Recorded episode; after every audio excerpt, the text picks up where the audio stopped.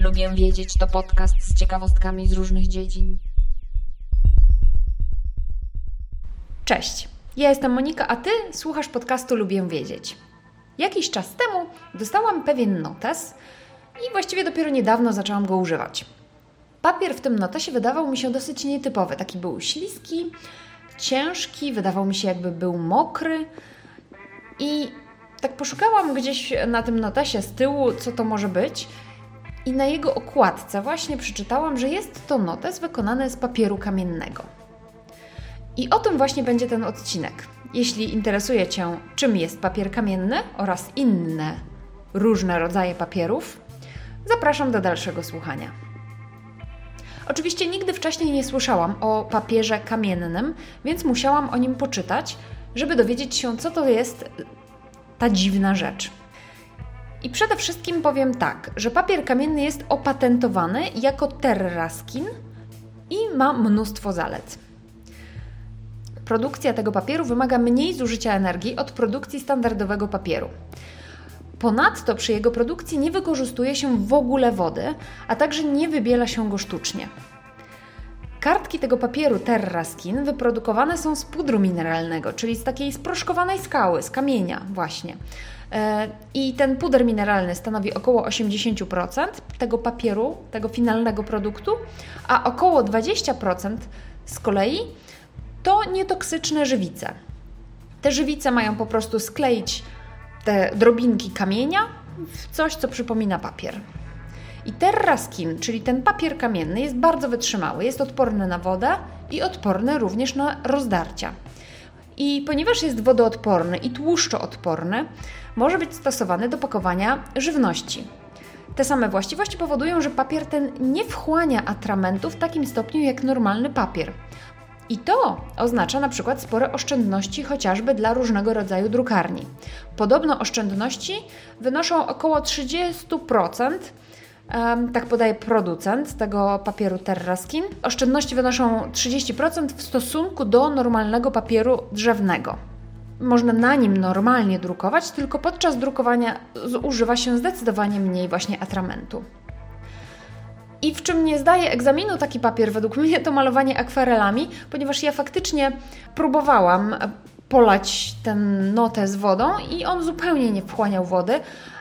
Więc właśnie z tego powodu, tej wodoodporności, woda z farb akwarelowych w niego nie wsiąka i co za tym idzie, nie zostają na nim plamy koloru. Więc raczej do malowania akwarelami się nie nadaje, natomiast do innego użytkowania jak najbardziej. I Terraskin, co też ważne jest, jest w 100% biodegradowalny i ponadto rozkłada się bardzo szybko, bo podobno już po 3 aż do 9 miesięcy po wyrzuceniu on po prostu niknie, on się rozsypuje w pył. I to pięknie obrazuje takie powiedzenie: z prochu powstałeś, w proch się obrócisz. Powstał z pudru mineralnego i obróci się w puder mineralny. I ponieważ dzisiaj mówię o papierze, to wspomnę jeszcze o kilku innych nietypowych rodzajach papieru, w których produkcji nie używa się w ogóle drzew. Jest na przykład coś takiego jak papier bananowy, banana paper. I może być to papier z kory bananowca, ale znacznie częściej używa się do tego papieru bananowego włókna bananowego uzyskanego z łodyg i jakichś takich nieużytych odpadów, owoców e, w procesie przemysłowym i ta druga wersja jest zdecydowanie bardziej ekologiczna, ponieważ skrawki z drzew i z resztek owoców są najpierw mielone, one wtedy przypominają już troszkę trociny, i potem to włókno jest myte, aby pozbyć się naturalnych żywic, bo te naturalne żywice mogłyby niepotrzebnie się kleić i zanieczyszczać maszyny, i poza tym dodatkowo mogłyby też po prostu zanieczyścić ten finalny produkt. Produkcja tego bananowego papieru wykorzystuje także resztki papieru, mm, jakiejś tam tektury z odzysku. I ten papier miesza się z wodą, aby uzyskać pulpę. I teraz obie masy, czyli naturalne włókna bananowca oraz tą masę papierową, tam się międli, międli, miesza się ze sobą i następnie one są prasowane, suszone i w ten sposób powstaje właśnie papier bananowy.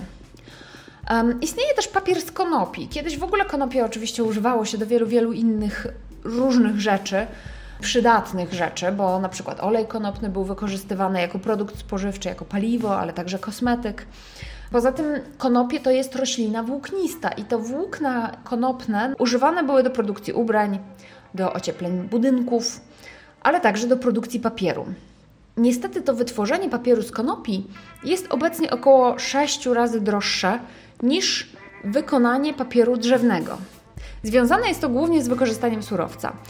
Przemysł drzewny zużywa właściwie niemalże 100% włókna z pozyskanych drzew, a z kolei tylko 25% suszonej łodygi konopi, czyli tak zwanego łyka, zawiera te długie, mocne włókna, które są przydatne do produkcji papieru, więc tak naprawdę 75% surowca marnuje się. I to właśnie jest przyczyną tak wysokiej ceny papieru konopnego, co za tym idzie niedużego popytu na ten papier. Powstają też produkty papiernicze z włókien trzciny cukrowej, z bawełny, prawdopodobnie z innych materiałów, z innych surowców, ale one borykają się z podobnymi problemami jak ten właśnie papier z konopi, czyli niskim wykorzystaniem surowca, a także drogą produkcją. Mam też dla Was na sam koniec już garść porad, jak używać na co dzień mniej papieru, żeby to było z korzyścią dla środowiska, a także dla Waszej kieszeni. Mówi się ostatnio bardzo dużo o ekologii, o ociepleniu klimatu związanym z tym, że człowiek bardzo zanieczyszcza swoje środowisko. Papier, chociaż nie jest najbardziej nieekologicznym surowcem, to jednak jego wytworzenie po pierwsze wykorzystuje drzewa, które nam się przydają do tego, żeby było jednak lepsze powietrze na Ziemi i było troszeczkę chłodniej, jak i dodatkowo wykorzystuje dużo wody, a woda niestety jest surowcem, którego nam może niedługo zabraknąć. Za chwilę przedstawię kilka moich porad, jak używać mniej papieru. Oczywiście dużo zależy tutaj od tego, gdzie pracujecie, co robicie zawodowo, e, jak żyjecie w ogóle na co dzień. I moje porady dotyczą raczej pracy w biurze. Na sam koniec będzie kilka takich porad bardziej związanych z gospodarstwem domowym. I tak, jeżeli chodzi o pracę w biurze, to złota zasada oczywiście zastanów się, czy musisz drukować dokumenty, czyli think before you print, bo może wystarczy tylko przejrzeć je na komputerze. Niektórzy lubią po prostu i są przyzwyczajeni do czytania dokumentów w formie wydrukowanej, ale może warto przełamać to przyzwyczajenie i zacząć jednak czytać dokumenty na ekranie komputera. Jeśli już drukujesz, to w miarę możliwości drukuj na obu stronach. Staraj się oszczędzać marginesy, zmniejsz czcionkę, drukuj kilka stron na jednym arkuszu. Ja pamiętam, że na studiach wszystkie skrypty, wszystkie jakieś skany książek drukowałam przynajmniej dwie strony na jednej kartce A4, a zdarzało się, że i cztery strony mi się zmieściły na jednej kartce, no i oczywiście drukowałam obustronnie. Mam nadzieję oczywiście, że nie muszę mówić już o faksach, bo to już jest taki przeżytek, że to chyba dinozaury używały faksów. Co jeszcze? Staraj się na przykład też dzielić ze współpracownikami plikami w sieci. To jest oczywiście już dosyć popularne podejście. Dziel się dostępem do dokumentów, zamieszczaj je w chmurze, we wspólnych folderach. To bardzo pomaga w tym, żeby ograniczyć ilość drukowanego śmiecia w biurach. Używaj też mniej ręczników papierowych. Wiele osób z przyzwyczajenia po prostu wyciąga dwa od razu, więcej czasami ręczników, a może po prostu wystarczy jeden. Może wystarczą faktycznie dwa, a nie pięć, bo czasami słyszę po prostu, jak dużo ręczników ludzie wyrzucają. Używaj kalendarzy elektronicznych, one naprawdę mają wiele zalet. Mogą chociażby przypomnieć o nadchodzących wydarzeniach, a tego papierowe kalendarze jeszcze nie umieją. Sortuj papier. Wyrzucaj papier do przeznaczonych do tego pojemników. To jest naprawdę bardzo, bardzo ważne. Rozmawiaj też o tym z innymi na przykład ze współpracownikami, bo może oni mają inne pomysły na oszczędzanie papieru, a może ich właśnie zainspirujesz, żeby robili to samo co ty. Jeśli chodzi o moje porady, które można wykorzystywać w domu, to przerzuć się na e-booki i audiobooki. Niestety nie jestem tutaj dobrym przykładem, bo ja się nie do końca umiem przerzucić na um, niepapierowe wersje książek.